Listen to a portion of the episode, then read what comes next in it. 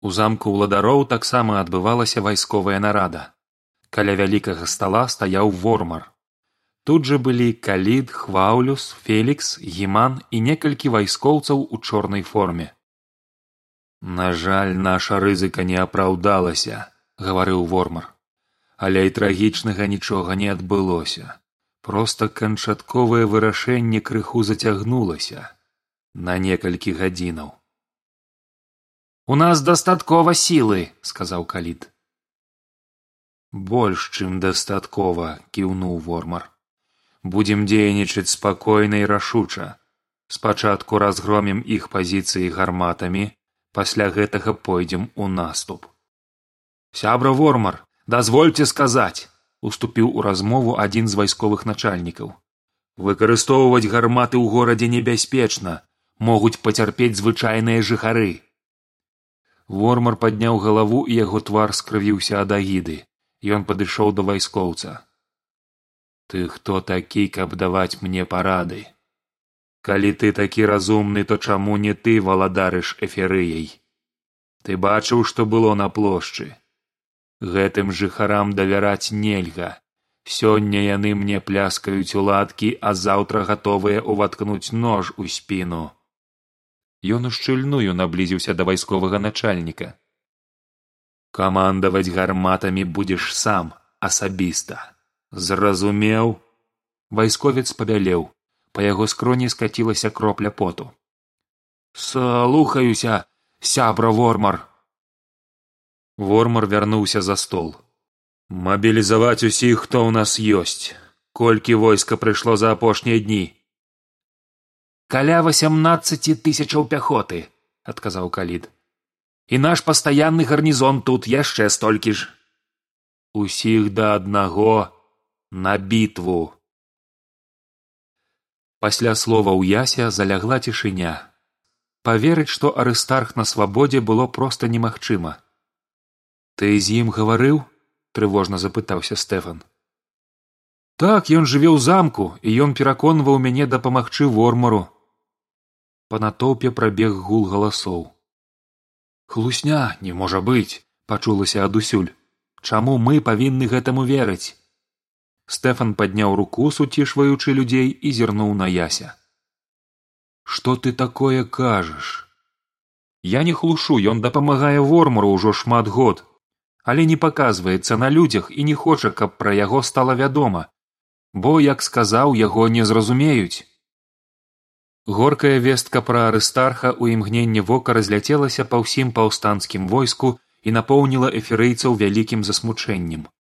Кудысьці падзеўся энтузіязм, дух адзінства і надзеі людзей ахапіла крыўда. Да стэфана прыйшла група гараджанаў, якія сказалі, што ваяваць не будуць, бо няма за каго. Кліч за эферыю за арыстарха перастаў існаваць. Стэфан спрабаваў пераконваць, казаць што пакуль сам не пабачыць не паверыць што нават калі арыстарх здрадзіў эферыйцы павінны выступіць супраць тыраніі вормара вярнуць законы справядлівасць. Але ўсё было марна. Яны дэманстратыўна пахавалі мячы ў ножны і пайшлі з плошчы. Да іх далучыліся і некаторыя іншыя. Стэфан хадзіў змрочны неспакойны адрывіста рэзка аддаваў загады расстаўляў людзей у вызначаных месцах ідэя была ў тым каб завабіць варожую армію сюды раз'яднаць яе расцярушыўшы па вуліцах і ўжо тут уступіць у вырашальны бой. Арбалетчыкаў і лучнікаў у стэфана было няшмат і таму акрамя іх на дахах размясціліся і іншыя эферыйцы яны будуць скідваць на жаўнераў мяхі з пяском якія цяпер жвава заносілі наверх. Войска вормара! Войска вормара пачулася раптам. Крычалі людзі з дахаў адзін з камандзіраў прызначаных стэфанам падняў залаты сцяг аферыі людзі сціснулі ў руках зброю цвёрда сталі кожны на сваё месца чакаючы атакі.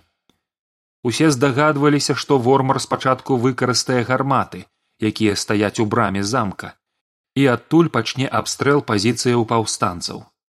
Так і атрымалася. Неўзабаве пачуліся выбухі і першыя ядры абрынуліся на плошчу.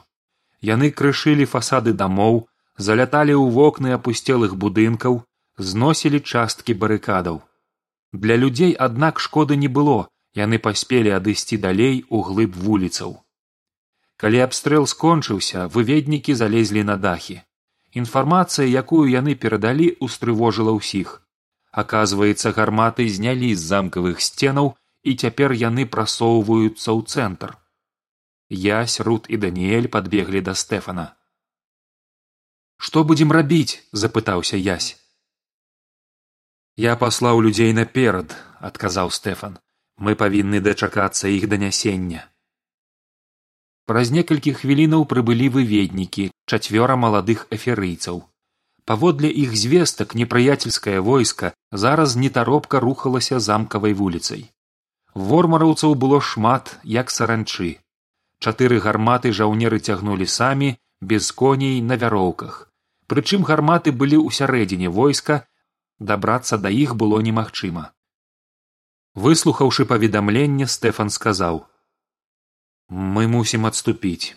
На жаль. Плошчу мы не ўтрымаем бо зробімся тут лёгкай мішэнню далёка будзем адступаць з крыўдай у голасе запытаўся даніэль стэфан па бацькоўску паглядзеў на яго. Калі будзе трэба то адступім і з горада. Калі трэба. Але спадзяюся што мы ўсё такі штосьці прыдумаем быў дадзены сігнал на адступленне. Эферыйцы апусціўшы галовы пасунуліся далей ад плошчы адыходзячы ў спляценне вузкіх вуліц. Язь адчуваў сябе зусім горка. Куды падзелася яго ранішняя радасць і ўпэўненасць?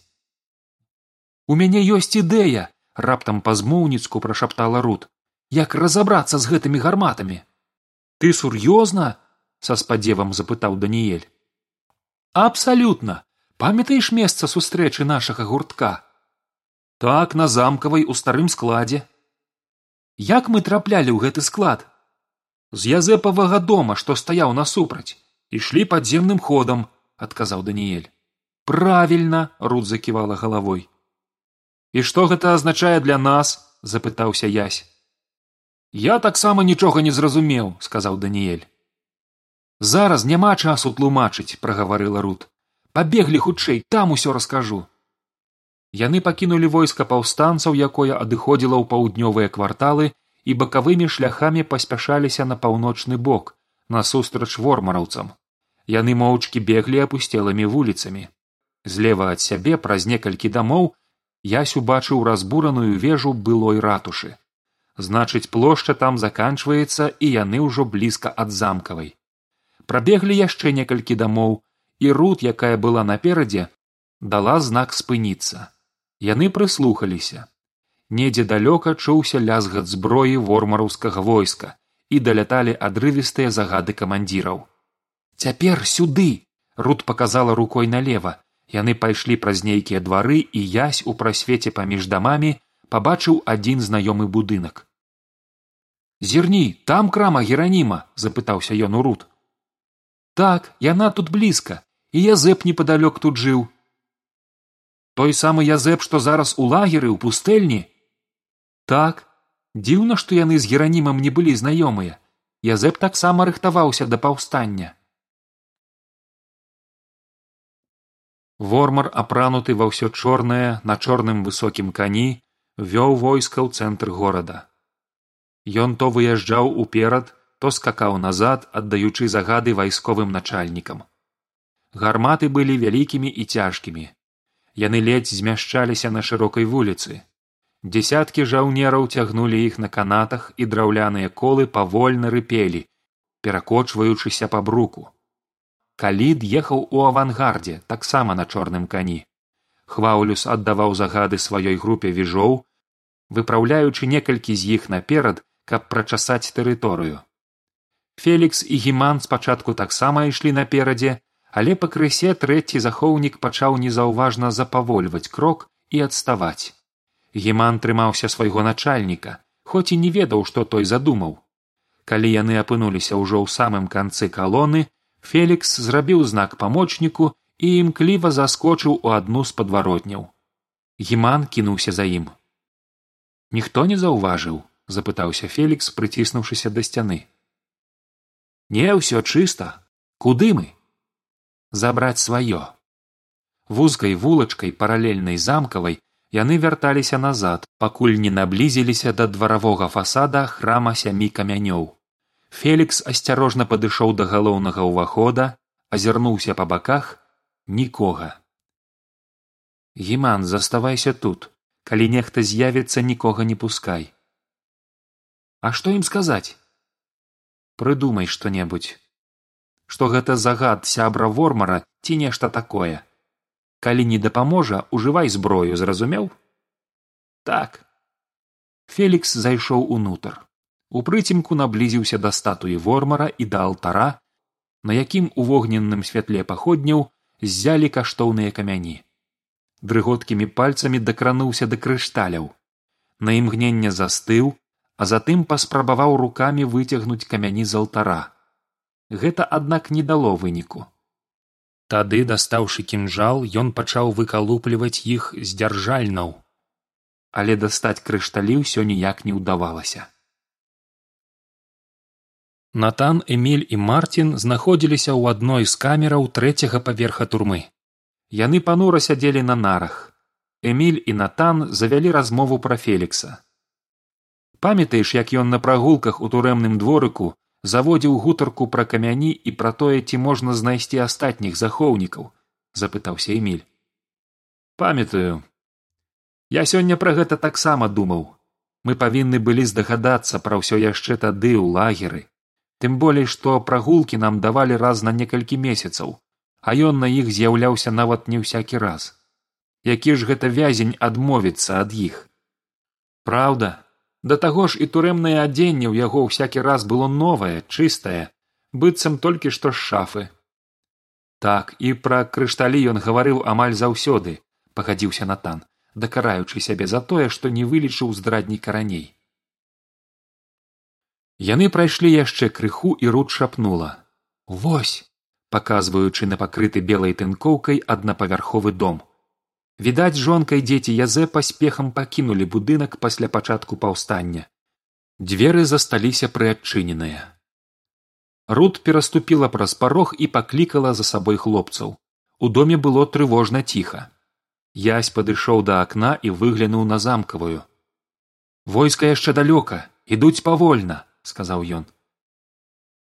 Так трохі часу ў нас ёсць пагадзіўся даніэль. Зараз у іншы пакой там ход. У суседнім пакоі яны адсунулі куфар адчынілі люк з колцам і пачалі спускацца ўніз па лесвіцы. Даніэль зняў са сцяны паходню дастаў крэсіва і запаліў. Ход быў дастаткова шырокі. Значыць цяпер над намі дарога запытаўся язь ага гэта ход у стары склад які некалі купіў язэп. Ён займаўся цяслярствам адказала рут. Там і сустракалася наша група. Было зручна ніхто нас не бачыў вокны там вузенькія і толькі на самым версе. Язэп расказваў нам пра ранейшую эферыю тую што была да вормара. І за гэта яго арыштавалі. Мы яшчэ прыдумлялі і пісалі ўлёткі для гараджанаў. Ад рукі перапісвалі брашуркі па гісторыі той гісторыі якая вормарам была забароненая. Пазаўчора я даведалася што аказваецца гэтыя брашуркі друкаваліся на станках марціна сказала рут і дадала. Язэпа арыштавалі за перапісаныя намі кнігі. Прайшоўшы ходам яны дайшлі да прыступак што вялі наверх. Падняліся адчыніўшы над сабою люк і апынуліся ў складзе. Тут быў прыцемак паўсюль ляжалі складзеныя штабелямі дошкі драўляныя загатоўкі розныя цяслярскія прылады. Было відаць што ўжо даўным даўно сюды ніхто не наведваўся. Руд пачала нешта паспешліва шукаць. Гэта павінна быць недзе тут сказала яна. Калі толькі вормараўцы не знайшлі гэта раней яны сталі разбіраць адзін за адным штабелі хоць язь і даніэль не ведалі што яны шукаюць. Ішлі хвіліны і хлопцы пачалі нервавацца урэшце пад адной горкай з бязладна накіданых дошак яны знайшлі штосьці прыкрытае зверху палатнінай. Руд сарвала покрыва. На земляной падлозе стаяла каля дзясятка бочачак з порахам. Тут жа было і некалькі маткоў вогнеправоднага шнура. Даніэль прысвіснуў. План стаў зразумелы. Падарваць порах у тунэлі калі над ім будуць цягнуць гарматы яны пачалі насіць бочачкі ўніз. Там дасталі з іх коркі да кожнай падвялі шнур і вывелі на вонкі ў дом язэпа. Запаліць трэба было роўна за хвіліну да таго як гарматы апынуцца над самым тунэлем. Вядома не было ніякай упэўненасці што час выбуху удасца разлічыць дакладна і што варожая артылерыя будзе знішчана але паспрабаваць безумоўна было варта яны стаялі ў пакоі чакаючы войскаў. Дарэчы гляньце сюды даніэль паказаў на сцяну дзе вісела некалькі арбалетаў. Думаю што можам узяць я сірут вырашылі арбалеты не чапаць бо з мячамі адчувалі сябе нашмат больш упэўнена. Даніэль жа выбраў сабе адзін з іх і закінуў за плячо. Авангард войскаў ужо наблізіўся да язэпавага дома. Аднак саміх гарматаў з акна было не ўбачыць трэба глядзець з вуліцы сказаў язь я пайду. Калі гарматы будуць у хвіліне ад нас падам знак. Добра адказаў даніэль. Язь выйшаў дайшоў дарогу будынка і выглянуў на вуліцу. І адразу схаваў галаву. Жаўнераў было шмат і яны былі блізка. Добра калі яго не заўважылі. Язь паспеў прыкмеціць, што авангард складаўся з некалькіх соцень жаўнераў. За імі ішлі тыя, хто цягнуў цяжкія гарматы, потым былі павозкі з ядрамі і порахам, затым ужо ўся астатняя армія. Ён асцярожна выглянуў зноў. Усё трэба вяртацца, паведамляць. Ён павярнуўся, каб ісці назад, перад ім стаяў жаўнер і трымаў у руках кінжал. Не можа быць, нараспеў прамовіў той наш затуманны госць якое ўдалае ў мяне сёння паляванне. Ясю падалося што ён ужо недзе чуў гэты голас. Наша дзічынка думала што вырвалася з села працягваў той. Тады ноччу ў чырвонай рудзе ясь апусціў вочы і заўважыў боты аблямаваныя футрам. І ў той дуброве не сунімаўся жаўнер. Дзе ты там падзеўся? Ты гуляў з намі ў хованкі? Хітры хлопчык час ішоў гарматы набліжаліся жаўнер прыставіў кінжал да горла яся. Ты моя здабыча! Хлопчык любіць гуляць? Язь зразумеў што падпаліць шнуры яны ўжо не паспеюць. Мы з табой пагуляем працягваў жаўнер. На кожную дзічыну знойдзецца свой паляўнічы і ён не схіб жаўнер раптам торгнуўся словы захраслі ў ягоным горле быццам ён нечым падавіўся затым павольна пахіснуўся ў бок і бразнуўся аб зямлю. У ягонай спіне тырчала страла. Перад сабой ясь убачыў даніэля які апускаў арбалет. Дзякуй выціснуў язь у дом хутчэй!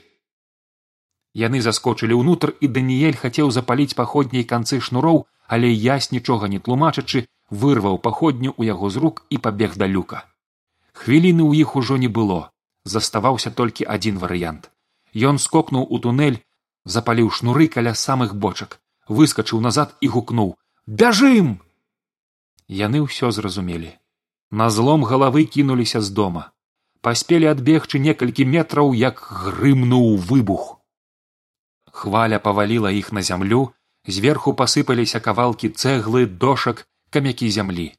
Некалькі імгненняў ясь ляжаў без прытомнасці затым расплюшчыў вочы вушы заклала ён нічога не чуў. Стаў на калені падпоўз да руд яна таксама толькі ачуняла спрабавала падняцца.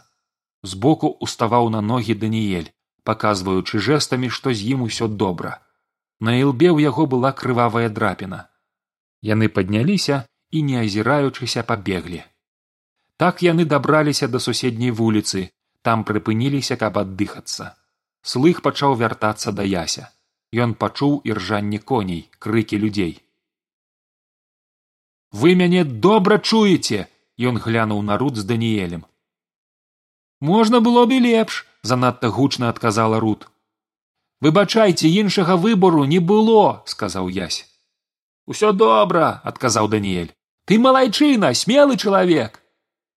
Ці ўдалося ім знішчыць гарматы яны пакуль не мелі ніякага ўяўлення трэба праверыць што там прапанавала рут. Маеш рацыю толькі на ратушу я больш не полезу сказаў даніэль там можа ўсё абрынуцца давайте вось на той дом і ён паказаў на трохпавярховы будынак каля дома перамогі